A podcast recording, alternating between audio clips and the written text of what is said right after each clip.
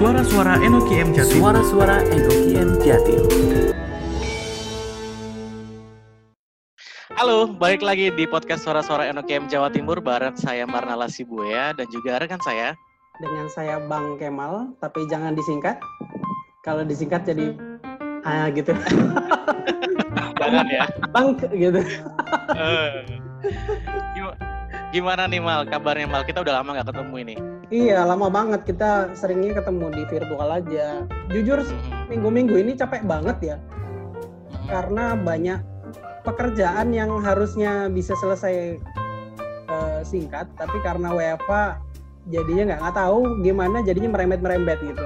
Selain ada video, selain ada reporting infografis, akhirnya kita kesedot banyak. Walaupun seneng sih bisa kumpul di rumah dengan dengan anak-anak gitu. Eh, jadi apa namanya pengasuh dadakan juga sama anak-anak. jadi kadang Vicon sebelahnya anak-anak nemenin mainan gitu kan. gitu kal. Sama sih sebenarnya ya aku juga gitu juga lah. Tapi ya kita ini kalau ibaratnya bisa menye- apa kayak menerima keseimbangan aja sih Mal. Kadang kita harus ada waktu bisa aja di weekend mungkin kita untuk me time lah entah itu untuk olahraga entah itu untuk hobi kita yang kita salurkan itu nah kita ngomong-ngomong tentang hobi mal Ya. kita juga mau tahu nih narasumber kita hari ini yang kita akan cari tahu lagi tentang hobi dan yang lain-lainnya yang hal-hal unik lainnya Ya. khususnya di balik baju merah Telkomselnya ya Ya. narasumber kita hari ini itu sangat spesial yaitu Vice President Enoki M Area Jawa Bali Bapak Samuel Pasari. Selamat datang Pak Samuel. Selamat Halo, Kemal. Pak. Iya. Halo Pak. Gimana kabarnya Pak? Baik, baik. Gimana? Kalian gimana nih? Nah, Sehat Pak. Oke, Pak. Harus gitulah. Kesibukannya apa Pak sekarang Pak? Kalau weekend gini Pak biasanya Pak? Weekend. Weekend itu dimulai dari hari Sabtu itu adalah bersih-bersihin apartemen. Wah, itu bisa setengah hari sendiri. Mulai ngelap, ngepel, kemudian selesai bersih-bersih lanjut nyuci. Iya. Nyuci. Oh nyuci sendiri Pak? Ya, nyuci Ada. sendiri. Sendiri. Selama WFH atau dari awal begitu? Nah, selama WFH aja. Selama WFH aja. Ya, jadi sebisa mungkin menghindari ketemu orang lain. Jadi Iya. ya saya prefer nyuci sendiri. Nah, Lebih baik begitu sih Pak.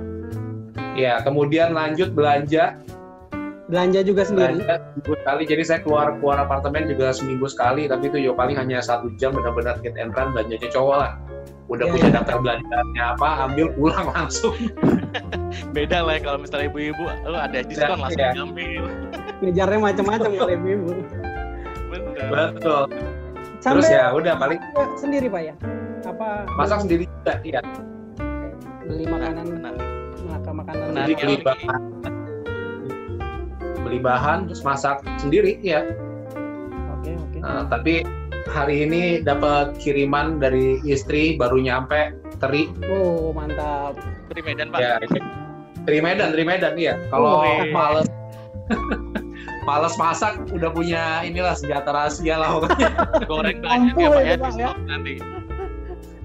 Udah Iya. langsung banget lah itu. Udah gurih mantep. ampun udah Bener banget. Sama nasi panas aja udah enak loh Mal.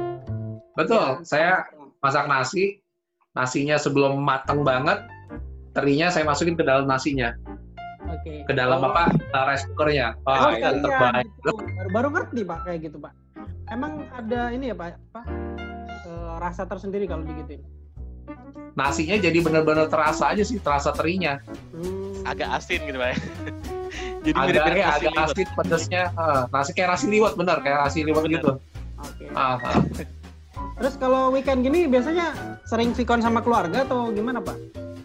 saya tiap hari di sama keluarga jam 8 jadi khusus hari ini mundur. ini.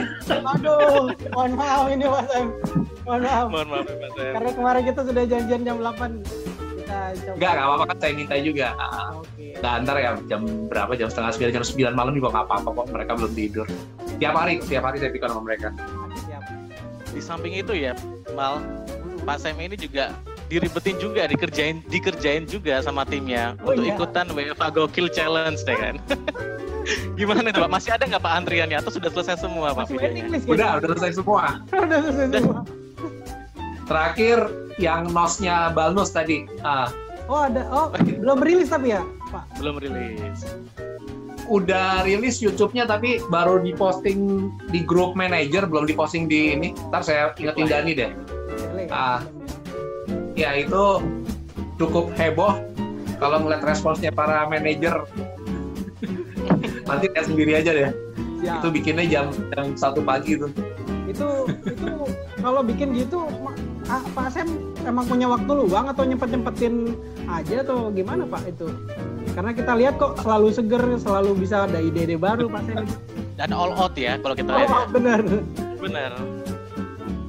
Sebenarnya seminggu terakhir ini saya nyaris nggak punya waktu luang sama sekali. Hmm. Hampir setiap hari itu mulai dari Senin itu Vicon itu mulai jam 8 atau jam 9 dan selesainya itu bisa sampai uh, menjelang buka. Ya dan itu nonstop tiap hari. Jadi minggu ini benar-benar padat. Terus kemudian malam itu saya masih harus prepare lagi untuk materi uh, besoknya. Makanya uh, Vicon eh uh, video UEFA Challenge untuk Balnus Nos Nos Balnus itu saya baru bikinnya jam satu pagi. Itu aja udah molor satu hari saya. Iya iya. Jadi udah lewat udah lewat dua hari. Iya iya. Eh lewat satu hari lah sih. Jadi satu hari ternyata dua hari saya belum selesai juga. Jadi kayaknya saya ada beban. Iya. Ada beban. Saya selesaikan jam satu pagi saya kirim. Dan ternyata tadi rilis juga dari eh, Nos Balnus ya kayak gitu deh. Jadi benar-benar harus cari waktu lah. Nah, tapi kalau melakukannya dengan enjoy ya. nggak jadi beban ya Bener banget. ya, Pak. Noted Pak noted. Nah Pak untuk memulai obrolan kali ini Pak kita mau mulai dengan rapid test pertanyaan nih Pak. Bukan rapid Oh, test COVID rapid tapi Pak. Bukan rapid test COVID tapi rapid test pertanyaan. Pak Sam boleh. Pak Sam ada tiga pertanyaan. Mohon dijawab secara cepat dan lugas tanpa ragu-ragu nih Pak ya. Mulai pertanyaan pertama fotografi atau traveling Pak ke traveling traveling oke ya Wow. Yang kedua makan ikan atau mie instan, Pak? minsan apa Mie instan. Eh, Indomie. oh mie instan mie instan Instan, Pak ya? mie instan ya Mie ah. instan atau mie instan, mie instan. Yang ketiga belajar atau mengajar, Pak? mengajar Mengajar ya. Oke. Iya. Kunci jawabannya kita coba Menarik sih ya, ulas. menarik. Kita coba ulas satu-satu karena nih rapid testnya benar-benar tanpa ragu-ragu nih ya. Saya ber Benar. saya berpikir tadi fotografi atau traveling tuh agak-agak dia Jawabnya fotografi loh tadi aku ngarepnya. ternyata traveling lugas gitu ya. Udah lugas Iya, yakin banget. banget Oke Pak, kita coba ulik-ulik pertanyaannya dari yang pertama Pak. Fotografi atau traveling? Kenapa Pak traveling lebih prefer daripada fotografi? karena awalnya saya itu sukanya traveling fotografi itu bagian yang saya lakukan ketika saya melakukan traveling Oke. jadi saya nyaris nyaris tidak melakukan hobi fotografi kalau tidak traveling Oke. itu Oh, alasannya iya. Jadi ininya traveling dulu Pak ya, baru fotografi mengikuti. iya Tapi- ah, ah. Tapi kalau fotografinya sendiri Pak Sen lebih seneng apa namanya? Lebih seneng Pakai kamera pakai lengkap kamera gitu lengkap atau atau, handphone? cuma handphone aja ya? yang simple gitu Pak? Eh, saya lebih suka sebenarnya lengkap ya Oke. yang lengkap eh, gear-nya ada juga lengkap sih sebenarnya. Cuman untuk kalau yang perjalanannya pendek-pendek singkat kayak dinas gitu saya nggak bawa lagi sekarang dan terus terang itu sebenarnya sejak kaki saya patah. Tadi eh tapi kalau sebelum kaki saya patah itu saya ke mana-mana tuh bawa satu ransel khusus isinya itu hanya alat kamera. Cuma kan itu terlalu berat ya. Ya, Akhirnya sekarang betul. termasuk tinggalkan saya ganti dengan HP. Tapi kalau saya memang perjalanan untuk traveling itu peralatan lengkap saya bawa. Oh gitu. Jadi kalau udah diniatin semua pasti dibawa Pak ya. Kalau kalau untuk Pasti dibawa. perjalanan perjalanan yang dada-dada gitu yang pengen simpel-simpel aja cuma bawa HP HP, aja ya. Ya, ah. Nah ini Pak Sam sendiri hmm, gimana Nal? kalau untuk traveling itu Pak lebih suka traveling di mana Pak? Apakah untuk explore laut atau gunung atau gimana Pak? Karena kalau yang, sebenarnya nggak spesifik itu saya sukanya tuh yang alam nggak terlalu spesifik gunung laut atau apa pun tapi uh, sepanjang itu alam itu saya pasti akan suka sekali. Nah cuma aja kebetulan lagi-lagi terkait dengan kaki saya. Sejak kaki saya patah saya tuh menghentikan eh, apa mengurangi kegiatan yang uh, membutuhkan fisik. Jadi kayak gunung itu terpaksa berkurang mau nggak mau. Tapi ke laut tetap karena saya untuk berenang nggak terlalu masalah. Malah saya harus berenang uh, sering mungkin gitu. Jadi ya naik gunungnya yang berkurang. Itu alasannya. Siapa? Pak pernah dengar nih Pak dari kerabat-kerabat? Katanya Pak Sam pernah sampai kutub utara Pak. Pernah wow. Ngapain Pak? Itu sendiri atau sama keluarga pak? Atau melihat beruang atau gimana Pak? Sendirian. Sendirian sendirian. Sendiri Iya. Ah. gimana Pak? Ceritain perjalanannya mungkin Pak. Ken- kenapa harus ke sana Pak? Bahkan orang kan menghindari yang dingin-dingin begitu ekstrim. Ini kok sama malah ke sana gitu. Kita kan kepengen juga ya mal ya. Siapa tahu dengar cerita Pak Sam jadi Iya, kepengen benar, juga. benar. boleh. Boleh ceritain Pak. Gimana Pak? Jadi eh, sebenarnya saya itu penasaran banget pengen moto aurora. Hmm. Oh wow Jadi tujuannya itu pengen foto aurora dan saya itu kan berkali-kali ya teman-teman pasti sering lihat kan foto aurora Iya. seperti apa kan Iya, iya. dan Iya. itu salah satu mimpi terbesarnya saya gitu loh. Nah sehingga waktu itu ya akhirnya punya waktu kesempatan saya arrange perjalanan saya pergi ke sana dan itu sendirian. Eh, saya mencari temannya di TripAdvisor. Saya kebetulan aktif nulis di TripAdvisor, jadi saya posting aja di situ. Ada agensi perjalanan ke sana. Eh, sekitar satu bulan sebelumnya saya posting, eh saya mau jalan ke sini sini nih, bisa tolong di ini nggak di arrange gitu loh. Hmm. Terus dibilang oke, nanti kami jawab dalam waktu 24 jam paling lambat. Nah besoknya beneran dia konsisten dia jawab, Hmm. Eh, oke, trip kami buka, eh, jadi kayak semacam open trip gitu, Iya, iya. trip kami buka tapi minimal eh, 12 orang. Kalau tidak 12 orang, kosnya Jangan. akan di-share Oh. di-share sebanyak berapa orang yang berangkat itu. Wah, udah kebayang tuh sama saya tuh. Waduh, Iya. gila, berapa nih kosnya? Eh, ternyata sekitar seminggu kemudian itu kekumpul 12 orang. Wah, udah pede. Jadi kosnya tuh benar-benar apa? Udah Sesuai udah fix saya ya. tahu berapa. Aman udah, ya. saya berangkat eh, berangkat ke ke apa sih? Oslo dulu ya. Oke. Skotlandia ke Norway, Norway kok. Ke Norway ke Oslo. Nah, dari Oslo itu baru terbang lagi ke kota kecil namanya Tromso. Itu kota paling utara di dunia. Jadi di atasnya Tromso itu udah nggak ada kota, itu desa. Oke. Jadi benar-benar kota itu Tromso. Dan dari Tromso itu eh, saya stay di Tromso, saya sewa apartemen. Sewa apartemennya itu eh, ya yang yang biasa aja, tapi yang penting bisa tidur dan ada air panas itu yang paling penting. Nah, saya nyampe jam 7 pagi. Jam 7 pagi nyampe, eh, saya gunakan untuk explore adaptasi cuaca di. Tromso. Karena waktu itu aja saya mendarat itu sekitar minus 10. Wow.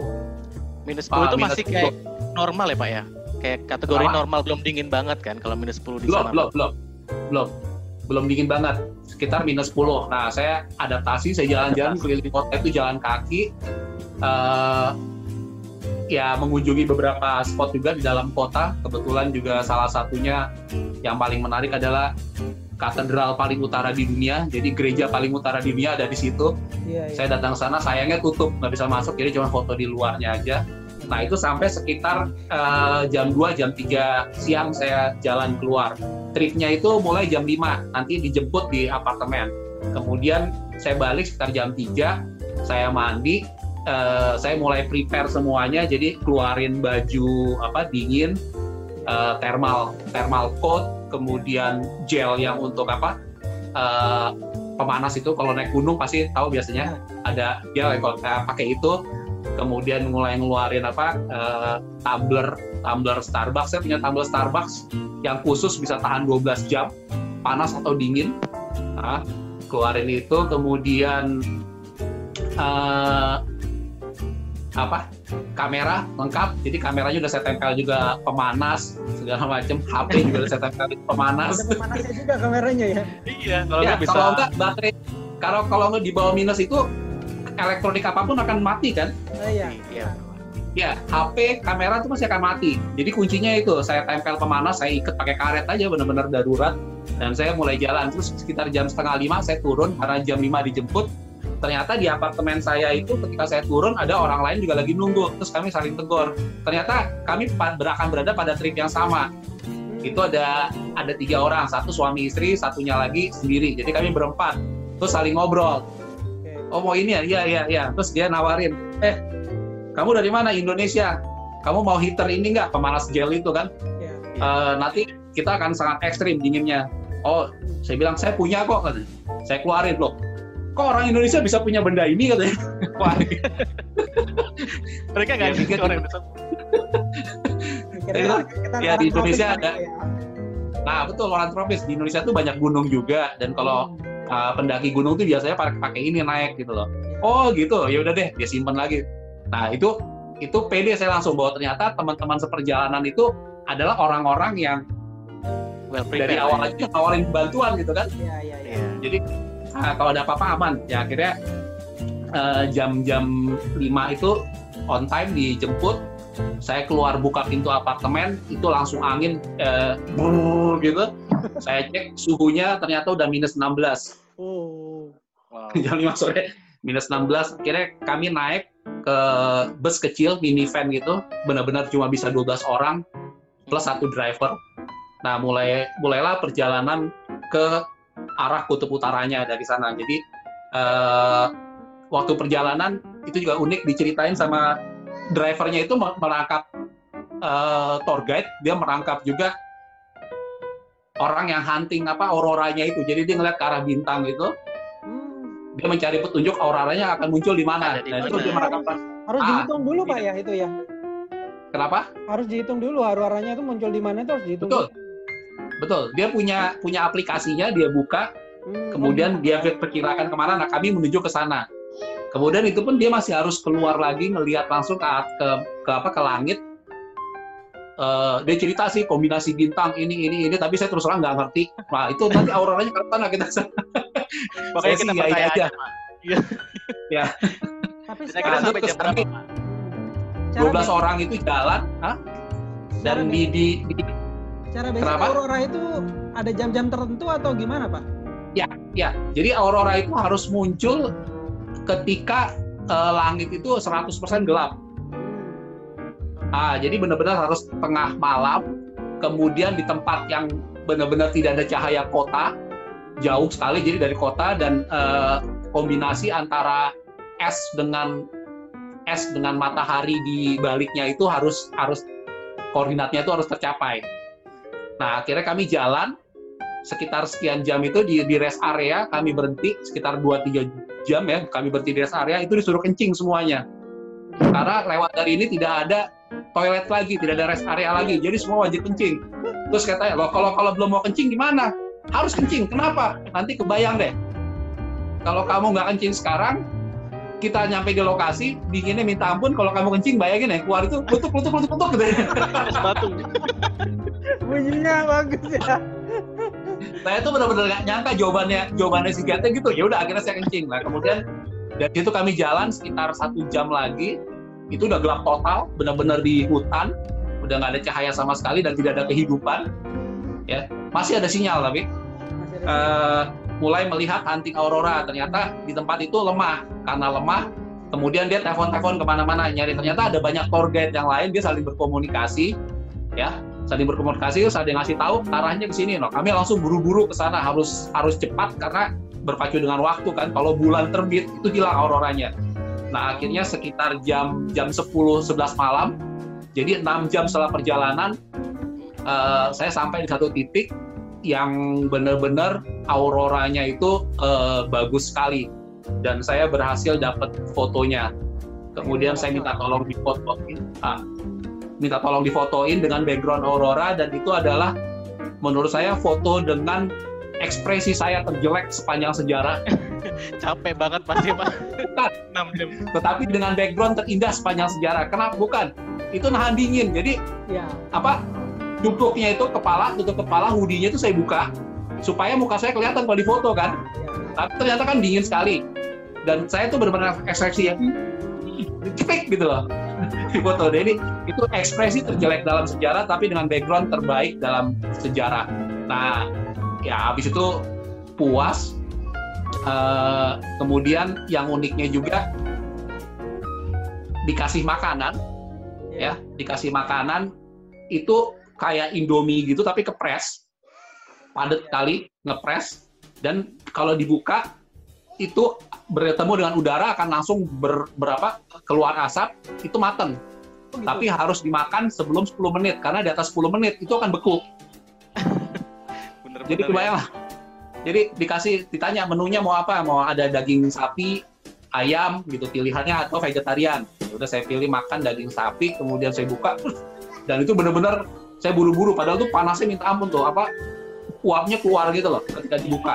Tapi mau nggak mau saya harus makan dan dia lima menit habis kemudian dikasih apa e, coklat panas dan coklat panas itu juga ngepul ketika dituangin. Begitu selesai dituangin kita mau minum itu udah kayak minum air putih. Kemudian saya cek ke dalam mobil ke dalam mobilnya itu saya coba masuk saya ngelihat temperaturnya ada di dalam ternyata sudah minus 24 oh, itu dalam waktu berapa jam pak naik seperti itu pak itu uh, sekitar ya kan di dalam mobil kan hangat ya. Oh iya. Di dalam mobil hangat. Nah, cuman begitu pintunya dibuka kan termometernya dia akan langsung berhubungan sama udara luar kan. Iya iya iya. iya. Nah, termometer mobil. Nah, itu minus 24. Jadi kami di luar itu ternyata di minus 24. Oh, ternyata di Nah, setelah puas foto-foto, kami diminta duduk di atas kulit beruang. Okay. Di atas kulit beruang, di tengahnya ada api unggun, dikasih marshmallow, kita bakar marshmallow rame-rame, duduk di atas kulit beruang dan disuruh buka sepatu. Tadinya saya ragu tapi dia bilang tenang aja ini beruang kutub kok. Kita akan ngetes beneran nggak? Duduk di atas salju di, di atas kulit beruang dingin apa nggak? Ternyata benar-benar anget. Oh gitu? Jadi terbukti kenapa beruang salju itu bisa hidup di salju. Oh, iya. ternyata memang Iya, di Kutub Utara. Kalau bisa digambarkan angetnya kayak apa, Pak? Anget kalau di Indonesia kayak apa itu angetnya, Pak? kayak uh, ya kayak kayak apa kayak kayak udara biasa begini lah kayak uh, suhu suhu 25 derajat 30 derajat gitu loh gitu, dingin ya? tapi nggak nggak apa nggak menggigil gitu hmm. uh, jadi benar gitu udah kami bagi apa saling bakar marshmallow dan di situ ternyata 12 orang itu kami disuruh saling bercerita experience-nya sudah pernah ke mana saja okay. menjalani apa melakukan perjalanan di di, di apa di di dunia keliling dunia iya iya ternyata saya itu masih newbie dibanding mereka. mereka ada yang sudah spot aurora ketiga, ada oh. satu orang, ada satu orang suami istri, mereka tiga bulan begitu dengar saya dari Indonesia, eh kami baru pulang dari Lombok, kami tiga bulan di sana, astaga, bilang kaya banget ya orang. Ternyata nyompir juga ya. Langsung lagi Iya, dia udah pensiun, kelihatan sih kaya. Oh gitu. Jadi dia ke tiga bulan di Lombok, oh, Lombok is beautiful, gitu. aduh, gila kaya nih. Bukan lawan semua lah ternyata ya. Akhirnya sekitar jam satu pagi, bulan terbit, ya kami udah langsung ini selesai lah, harus ngepak, harus kembali ke ini, kembali ke uh, Tromso. Nah itu saya ke pulang langsung ke Tromso sekitar jam 5 pagi nyampe di Tromso dan pesawat saya itu jam 7 pagi. Wow. Jadi saya nyampe di Tromso di kota, langsung ngepak, eh, bukan ngepak sih karena udah udah rapi ya semuanya, memang udah langsung ngepak dan berangkat ke bandara, pulanglah ke ke dari Tromso kembali ke Oslo. Nah itu karena saya berhasil mendapatkan aurora dalam sekali trip. Yeah. Tapi kalau seandainya malam itu gagal, saya akan lanjut di malam kedua. Itu udah rencana gitu. Uh, jadi saya akan extend apartemen, saya akan rubah reschedule pesawat dan seterusnya ya. Yeah. Itu malam kedua jalan, tapi karena malam pertama saya sukses, saya malam kedua tidak jalan lagi. Jadi ketika ditawarin gimana dia mau coba malam kedua, saya bilang enggak deh. Selain memang suhunya terlalu ekstrim. Iya benar. Nothing we can do lah selain di kamar kalau udah Romson tuh kotanya kecil banget. Iya. Jadi tari jalan udah cukup. Kalau besoknya mau jalan lagi kita bingung mau ke mana. Ya udah akhirnya saya pulang ke Oslo dan saya uh, apa ya menghabiskan setengah hari berikutnya di Oslo. Jadi saya dapat pesawat malamnya lagi untuk kembali ke Jakarta. Ya, ya kurang lebih kayak begitulah menarik. Dan itu tapi sendiri tercapai ya pak ya? Tercapai tercapai. hari itu juga misalnya nah ya. kalau dan, ini kalau ini pak kalau itu kan salah satu trip terbaik bapak ya? Tapi kira-kira ada ada nggak yang trip ternekat gitu pak ternekat tuh artinya emang nggak ada persiapan atau gimana terus bapak pengen ke sana gitu ada belum tahu Hmm. areanya seperti apa gitu pak belum ada pak? Enggak sih, enggak sih. Kalau saya persiapan itu wajib ya. Kayak waktu ya? ke ke Kutub Utara, Utara itu ke Tromso itu jaket itu lengkap, sepatu lengkap, kaos kakinya juga yang ini khusus semua. Heater itu saya bawa, nggak pernah nggak pernah nekat-nekat gitu ya pak ya nggak pernah nekat lah. Ah, termasuk harus- tiket pesawat saya udah siapin gitu. artinya harus di arrange sebegitu baik ya pak ya supaya kita tercapai juga nah terus Betul, harus harus banget. nah terus ini pak di sekian banyak list travelnya masih ada nggak sih pak yang belum bapak maksudnya di bucket list bapak itu masih ada yang belum bapak kecentang gitu pak hmm, kecentang Ada Kutub Selatan. sudah semua ya oh kutub selatan Kutub Selatan tuh pak nggak nggak ada penduduknya loh pak. Nggak ada memang. Jadi Iya. pertanyaan pertanyaan yang pertama sama pernah ditanyakan oleh Pak Irfan. Ah, Jadi Sam setelah ini lo mau ke mana Sam? Kutub Selatan ke mana? Ushuaia. itu next next dreamnya saya. Jadi karena memang nggak ada naik, perahu ke sananya pak ya Mecah betul ya betul karena tidak ada penghuni harus naik perahu minimal perjalanan naik sana itu lima hari di atas kapal. Jadi dua hari berangkat, satu hari di lokasi, dua hari pulang, lima hari. Beda dengan kalau ke Kutub Utara itu kalau lewat Tromso itu kita hanya perlu tiga hari. Jadi dua malam. Dua malam cukup tiga hari. Nah kalau ke Ushuaia itu di kapalnya aja sudah empat malam lima hari. Belum nginep satu malam di Ushuaia dan ketika pulangnya nginep lagi satu malam di Ushuaia. Jadi minimal tuh tujuh hari. Seminggu hanya di Ushuaia-nya loh ya, Ushuaia sampai ke Kutub Selatannya. Cuman dari Indonesia ke sananya itu butuh 40 jam lagi. Jadi total perjalanan kita kalau ke sana itu butuh 10 hari. Itu yang membuat sampai sekarang saya belum ke sana. Tapi kalau seandainya Telkomsel ngasih izin cuti saya 10 hari, saya akan pergi. bener bener bisa aja sih pak sebenarnya coba Tapi Bisa, bisa. Lebih ekstrim lagi kan pak dua kali lipat daripada kutub utara Iya. ketebalan Iya. esnya temperaturnya Betul, dia minusnya sampai 50. nah itu dia kan nggak kebayang Minus sih 50. Tapi gini loh, Nala, Kemal, Iya. Iya. tubuh manusia itu hanya bisa merasakan sampai minus 10. Di atas minus 10 kita nggak bisa membedakan lagi. oh sama aja kayak minus 10 gitu pak ya? Iya, iya. Betul. Nah itu saya dapatkan ilmunya ketika berangkat ke Tromso, ke Oslo.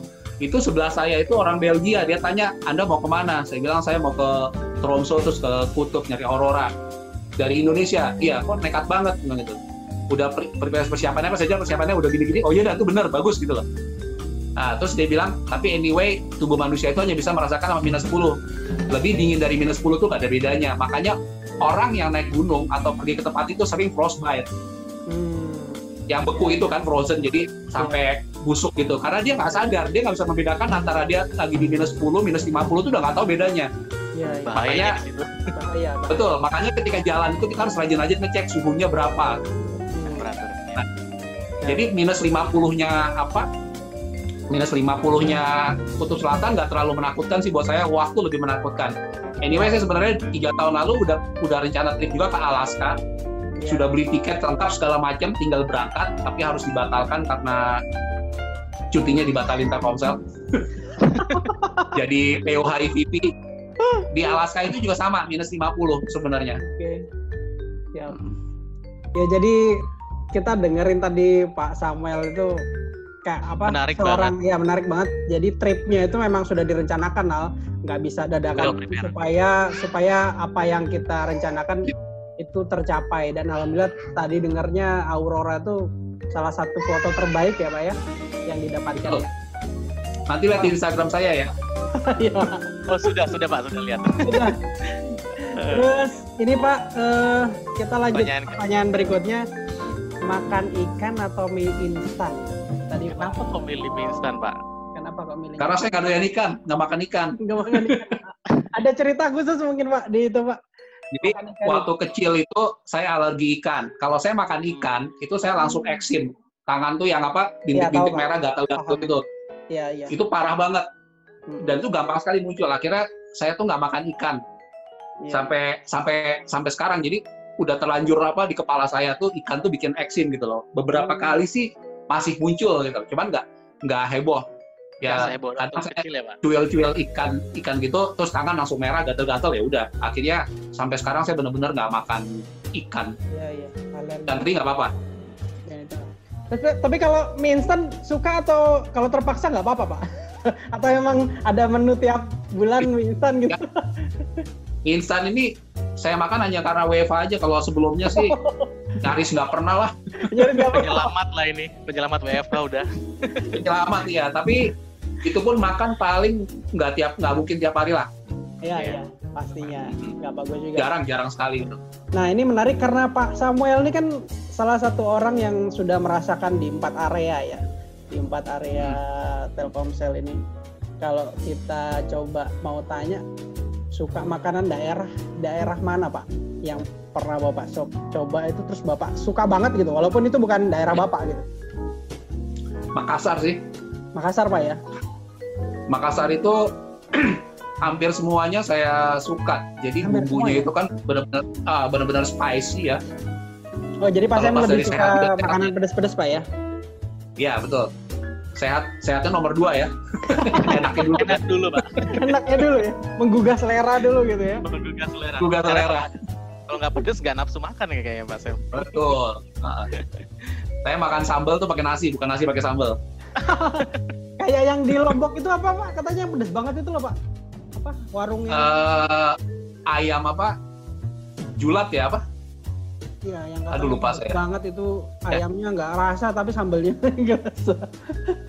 aduh Bisa apa sih ya ya? paling paling ayam julat atau apa gitu iya saya udah dua kali dibawa ke situ dan masih belum ada apa-apanya tuh Oh gitu loh, ada apa-apanya itu. iya mal bener banget ada pak ya namanya sambal andaliman ya pak ya khas Batak ya pak ya itu Nah, bener-bener iya, pedes banget Ya, ya ternyata Pak Samuel ini hobi pedas ya. Kita baru tahu. Iya. juga ya.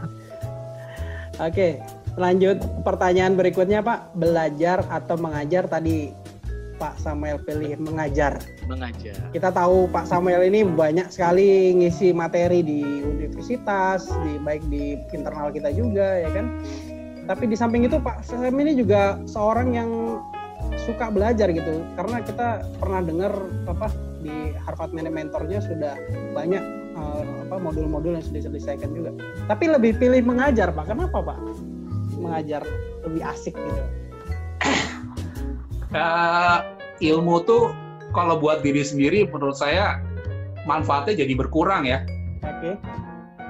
iya jadi buat saya tuh apa yang saya pelajari itu sebisa mungkin saya untuk berikan lagi kepada orang lain gitu ya semoga bermanfaat gitu loh. Jadi kalau buat diri saya sendiri saya rasa kok ya kok kurang ya gitu ya manfaatnya ya. Gitu aja sih sebenarnya. Selain ya selain juga ketika saya mengajar Oke. itu saya selalu banyak justru menemukan eh, pelajaran-pelajaran baru gitu. Jadi dari orang yang saya ajarin saya justru malah banyak belajar. Oh, lebih banyak kayak begitu ya. malah. Banyak inputan Iya, baru ya.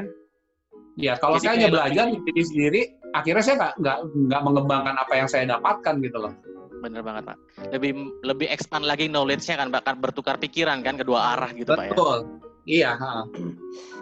Kalau tips-tips, iya tips-tips mengajar mungkin Pak Sam, karena kita kan untuk mengajar itu sendiri kan ada skill kayak gimana kita berbicara depan orang banyak, terus gimana caranya biar kita nggak boring, apalagi kalau topiknya berat gitu ya Pak. Nah, itu Aduh Pak yang topiknya berat, kita kayak susah itu Pak. audiensnya udah takut duluan gitu Pak. Gimana Pak tipsnya Pak? Ba- berbicaralah dengan bahasanya audiens Hmm. jangan bicara dengan bahasanya eh, diri sendiri itu kuncinya satu makanya setiap kali saya mau eh, belajar eh, mengajar jadi trainer atau apa pun saya akan cek dulu audiensnya saya itu siapa kayak waktu ITS yang di Ya, ITS itu Pak.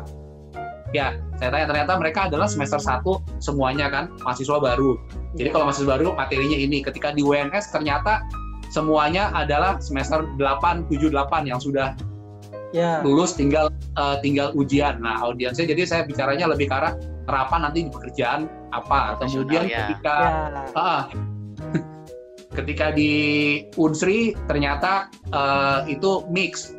Bahkan mixnya itu sampai ke para dosen. Ya sudah, saya jadi bicaranya justru ke arah kurikulum gitu loh.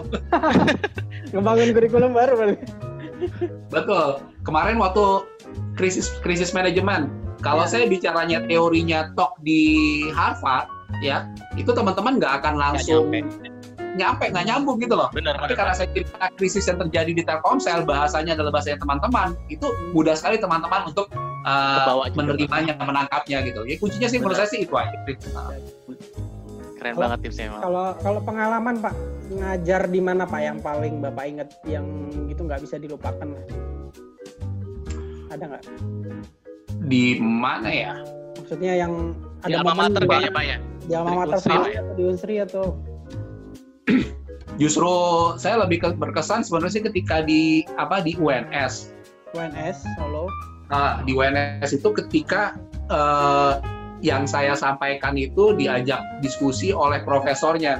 Oh, ah. nah itu itu bikin saya gemeteran terus terang. Tapi profesor itu kan bertanya, karena bertanya kan berarti kan dia kan memposisikan diri sebagai orang yang tidak tahu kan. Nggak tahu Ya, betul. saya pede-pede aja bicara, saya pedein aja bicara. Ternyata memang si profesornya bilang itu merupakan suatu insight yang baru dan terus terang sampai sekarang tuh saya nggak bisa lupa gitu loh. pertanyaan apa itu Pak kalau boleh tahu Pak? Uh, mengenai disruption, disruption. Jadi eh, seperti kayak case-nya Privy ID tanda tangan itu sebenarnya apa sih yang didisrupsi gitu loh. Orang-orang kan selama ini berpikiran kalau disruption itu adalah ada satu perusahaan yang tutup gara-gara ada satu perusahaan yang baru kan Iya. Betul. Atau bisnisnya terganggu gara-gara ada bisnis baru kayak Iya. kayak ya misalnya kayak kita lah gitu loh Iya, didisrupsi oleh OTT gitu kan. Iya. Tapi kalau Privy ID coba perusahaan apa yang bisnisnya terganggu gara-gara Privy ID? Iya. Apa coba kan nggak ada kan? Nggak ada, nggak ada. Tanda tangan kok. Iya. nggak ada dia dia benar-benar benar-benar perusahaan yang baru berbisnis dengan tanda tangan tapi ternyata yang saya maksud adalah kita jangan melihat selama ini perusahaan aja Iya. Privy ID itu bukan tanda tangannya yang mendisrupsi tetapi legalitasnya dia secara digital itu telah mengganggu dalam Iya. tanda kutip bisnisnya notaris Oh, betul betul betul. Betul betul. iya kan Iya. Jadi orang mau minjem uang selama ini kan harus tanda tangan notaris. Dengan Privy ID kan nggak perlu lagi, karena di Privy ID kan diakuin OJK. Iya. Sudah Dan sejauh ngobrol sama ya. Profesor, Mhm. profesor bilang, iya ya Pak ya, begitu, iya. Dan ini juga dia bilang, ini juga bisnis proses Pak. Selama ini kan kalau orang mau minjem di BRI itu kan dia dari kampung harus pergi ke kotanya dulu tanda tangan. Dengan Privy ID kan nggak perlu. Iya Pak, benar bisnis proses pun terdisrupsi, jadi nggak selamanya perusahaan makan perusahaan, tetapi ternyata juga ada satu apa hal baru bisnis proses didisrupsi, kemudian ada satu pekerjaan bukan perusahaan notaris gitu loh Iya. yang lama-lama mungkin nggak diperlukan gara-gara PPI. Nah itu diskusinya menarik dengan profesor itu. Iya, bagus bagus. Menarik menarik. Pak, kalau tadi diskusi mengajar, kalau belajar Pak, belajar apa Pak? Kira-kira materi yang Pak Sam pengen pelajari yang belum kesampaian gitu. Kira-kira apa Pak? Yang pengen banget gitu Pak, yang pengen banget loh Pak ya. Bukan kalau kalau pengen mah banyak, tapi yang pengen banget gitu loh Pak. Saya kayaknya butuh nih materi ini, saya pengen belajar banget. Apa Pak kira-kira? Kayaknya nggak ada sih ya setiap kali saya pengen mempelajari sesuatu, saya tuh akan googling mati-matian mencarinya Oh gitu. Sampai Dan- ketemu. Jadi sampai ketemu. Hmm, hmm. Dan Jadi- so far saya dapat termasuk bila harus bayar pun saya rela bayar kok karena di internet itu e-book atau online learning itu murah-murah kan ya Iya betul. Ratusan ribu paling enggak di bawah satu juta lah dan menurut saya sih masih make sense ya untuk ilmu yang diberikan gitu loh. So far sih saya dapat ya dan mostly memang mengenai eh, manajemen dan tren bisnis. Yang saya Manajemen dan pelajari. tren bisnis ya, so far ke arah sana pak ya. Ya. Jadi nggak ada nggak ada spesifikasi khusus saya mesti belajar cloud computing atau bit apa?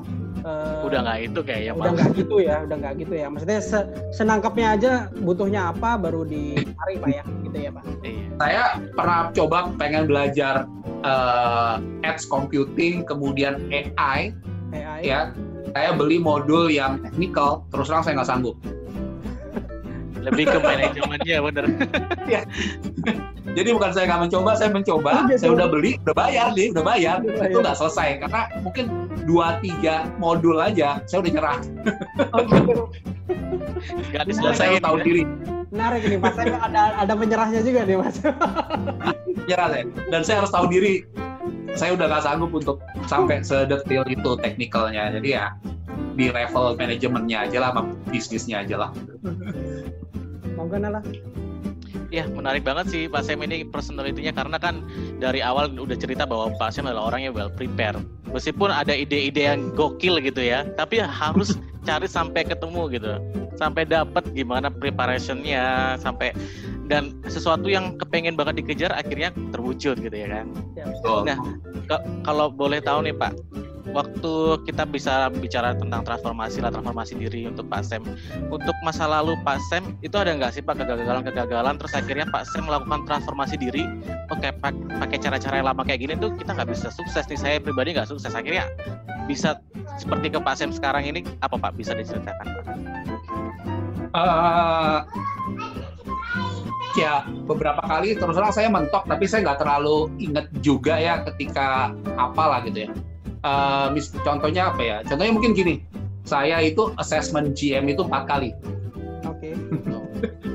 assessment VP itu empat kali juga gitu. Jadi nggak yang sekalinya sukses gitu. Nah cuman ketika yang pertama saya gagal saya belajar yang keduanya apa yang harus saya perbaiki. Saya ingat dulu ketika GM saya ditanya eh, sama direktur waktu itu Pak Keke what do you think about Pak JK Yusuf Kurni apa Yusuf Kala wakil presiden. Kan nggak nyangka kan?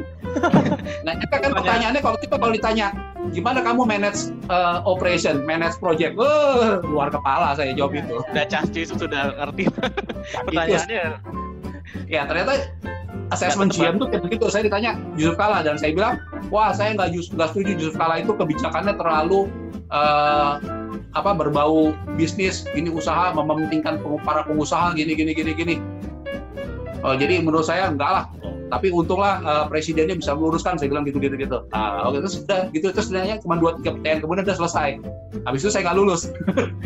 Nah terus saya tanya kenapa saya nggak lulus? Ternyata kita itu jangan berpikiran negatifnya dari seseorang.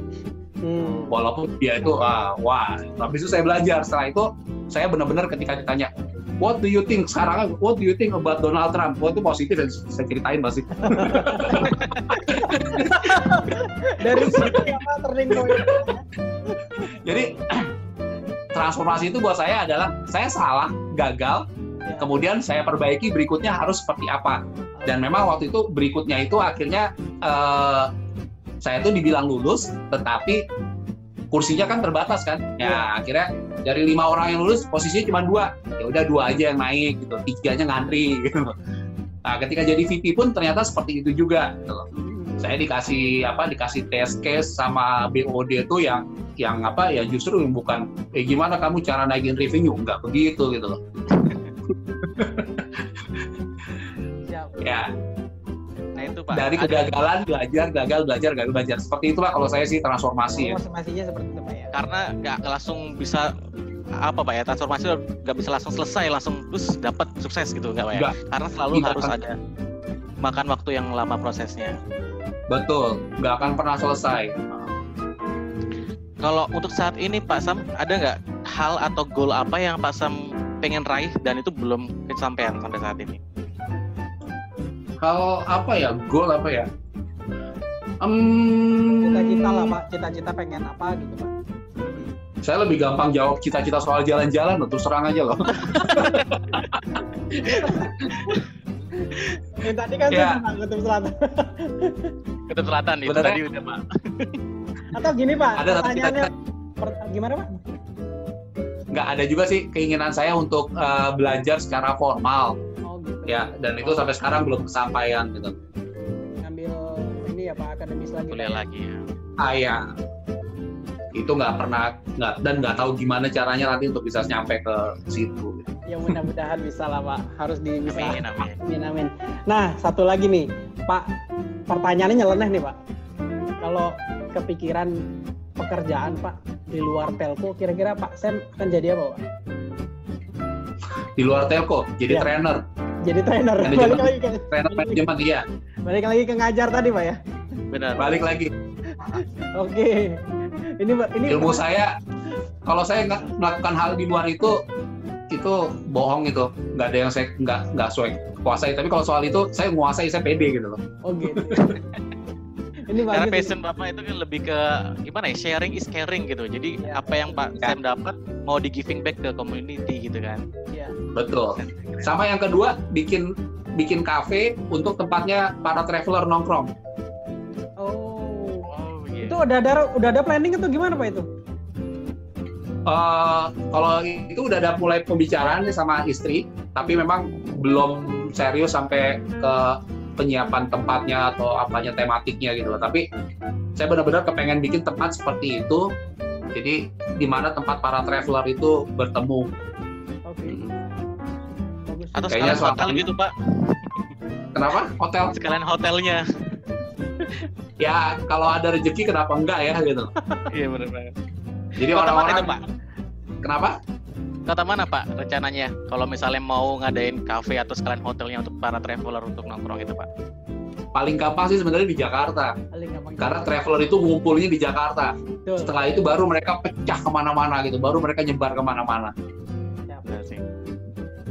Someday lah. amin amin. Kita doain Pak. udah udah lewat waktunya malah. Kasih ngobrol ini. Oh iya benar. Karena personalitinya itu enak banget kita kalau misalnya ngobrol kayak kerasa kayak udah waduh udah lama ya ternyata. Iya. Tugas kalian ngedit-ngedit nanti. Tapi ceritanya benar-benar kita baru nih Pak, baru dapat dari Pak Sam ini karena sebelumnya Iya. nggak nggak sedetil itu gitu Pak yang kita dapat. Iya iya memang. Untuk Untuk penutup mal penutup kita minta ini Pak, minta tiga poin penting Pak dari Pak Sam kepada semua pendengar suara-suara Endokem Jatim. Gimana Pak tiga poin penting agar kita bisa sama-sama survive melewati pandemi ini Pak? Monggo Pak Sam. Wah pertanyaannya jadi yang berat ya. Bisa bisa simpel, Oke, oke, bisa oke. simpel jawabannya Pak sebenarnya. Silakan. Oke. Yang pertama kita harus selalu berpikiran positif. Jadi eh, teman-teman tuh jangan mengeluh ya, Iya, apalagi menyerah. Oke. ya. Positiflah melihat eh, masalah ini. Jadi mikirnya gini ya. Kalau kita lolos dari pandemi ini, ya Oke. kita itu akan menjadi orang-orang yang teruji Iya, betul. dan Higher tidak level, semua orang ya benar nggak semua orang mengalami apa yang kita alami sekarang Iya. jadi kalau kita tuh bersikap negatif kita akan kalah tapi kalau kita positif kita menang kita itu keluar dari pandemi ini menjadi orang-orang yang teruji dan saya yakin menjadi orang-orang yang jauh lebih baik dibanding siapa pun yang tidak mengalami pandemi ini jadi yang pertama itu uh, kita Positif. harus berpikir positif Positif. yang kedua kita harus bisa memanfaatkan waktu ini untuk hal-hal yang berguna. Oke. Semua punya banyak waktu kan? Ya mungkin gara-gara Vicon semua jadi tidak punya banyak waktu. Kemudian Sebenarnya bisa gara-gara WFA, nah tem- anak-anak di rumah jadi Iya. distraction-nya banyak, keganggu Iya. sama anak-anak. Oke lah, banyak yang punya banyak waktu dan banyak juga orang yang jadi berkurang waktunya gara-gara WFA. Tapi gunakanlah Iya. masa-masa ini untuk diisi dengan hal-hal yang baik. Bisa tadi kayak belajar online, bisa mendekatkan diri dengan keluarga, dan bahkan mungkin seperti kata Bu Feni juga bisa mendekatkan diri dengan Yang Maha Kuasa. Iya. Ini momen yang jarang kita dapatkan. Jadi kalau kita bisa mengisinya dengan baik, saya yakin juga uh, keluar dari pandemi ini kita akan menjadi orang yang uh, lebih baik lagi. Yang ketiga, Ketiga. saya ngajak teman-teman untuk melihat apa yang terjadi setelah pandemi ini. Jadi jangan cuma melihat apa yang terjadi hari ini, kita siap untuk hari ini, tapi juga harus siap untuk yang eh, masa depan nanti. Ya. Sekarang istilahnya keren, new normal. The new Ya. normal Pak ya. New normal itu nanti seperti apa, kita persiapkan dari sekarang. Gitu. Iya. Jadi kalau new normal nanti adalah bekerja dari rumah, ya teman-teman harus siapkan itu dari sekarang. Jujur aja saya bilang, wah distraction-nya banyak dari anak-anak. Eh, itu sesuatu yang harus kamu siapkan ketika new normal itu terjadi. Benar Pak. Jangan dikeluhkan itu gitu loh. Iya. Gitu kan? Iya, iya. Betul. Aduh, gua saya tidur nih seharian di tempat tidur nih, nggak tahu mau ngapain. Eh, isi sesuatu new normal nanti kamu akan banyak waktu di tempat tidur gitu. Google itu udah merumahkan karyawannya sampai akhir tahun kan? Iya iya. Iya. Kebanyakan nggak karyawan Google harus tidur tiap hari? Nah, kalau kita jadi karyawan Google, begitu ada statement itu dari perusahaan, kita harus pikir sampai dengan akhir tahun itu gimana cara kita bekerja, gimana kita ngisi waktu dan gimana cara kita untuk berkoordinasi ya, bersosialisasi dengan uh, lingkungan dan dengan karyawan yang lain dan dengan kantor. Nah, jadi poin ketiga ini menurut saya jadi pentingnya adalah ketika kita keluar nanti kita bisa atau tidak beradaptasi dan yang terpenting adalah kita bisa tidak mengambil keuntungan dari situasi new normal itu nanti. Oke. Okay. Ya, kalau kita siapkan dari sekarang, kita akan harusnya kita bisa mengambil keuntungan. Jadi nggak menjadikan suatu yang malah negatif new normal itu, tapi adalah sesuatu uh, potensi atau challenge kesempatan baru bagi kita untuk meningkatkan diri dan meningkatkan bisnis kita. So itu tiga hal yang menurut saya paling penting di lakukan selama kita uh, berada di WFA periode WFA atau periode pandemi ini. Ya. Tadi kalau di review lagi pertama be positif, yang kedua hmm. itu gunakan waktu sesuatu untuk eh, gunakan waktu yang ada untuk produktif sesuatu yang produktif ya kan. Ya. Yang ketiga nah. persiapkan diri sendiri juga keluarga mungkin dan seterusnya untuk kondisi new normal ya kan kita Betul. Ya. harusnya sudah bisa ya. melihat dari sekarang seperti apa dan kita sudah nggak kaget gitu harusnya Pak ya dengan kondisi new normal. Ya, betul. Oke, terima kasih. Terima kasih Mas Sam. Iya. Akhirnya kita udah di penghujung. Molor ini. Podcastnya mohon Molor jadinya. Jadi mohon maaf. Sama keluarganya jadi telak telak. Iya, iya. Tetap. Mereka belum tidur juga itu. Nungguin Pak Sam. Oke, oke. Biasanya selesai nelpon itu bisa jam setengah sepuluh jam sepuluh malam jadi jam bisa dua jam saya vikon sama mereka ngobrol itu. Iya, iya. Uh, jadi kalau sekarang jam sembilan kan masih ada waktu jam sepuluh malam kok. Aman lah, asik-asik aja kok. Ya, titip salam Pak. Titip salam semua keluarga Pak, sehat-sehat semua. Buat Sam dan keluarga. Oke, salam juga ya keluarganya Kemal Nala ya. Sehat-sehat semua. Terima kasih buat waktunya Pak Sam keluarga besar suara-suara Enokiem juga tetap kreatif, tetap ya. produktif, Siap. dan semoga sehat semua juga. Terima kasih kepada Pak Sem, para pendengar, dan jangan lupa nantikan podcast kita selanjutnya. Tidak lupa juga mengucapkan selamat ibadah puasa dan kepada muslim yang melaksanakannya. Bentar lagi kita mau lebaran, Pak. Jadi harus tetap ya. semangat ini. Semangat harus sampai akhir. Semangat sampai akhir. Mudah-mudahan jadi juara. Amin. Okay.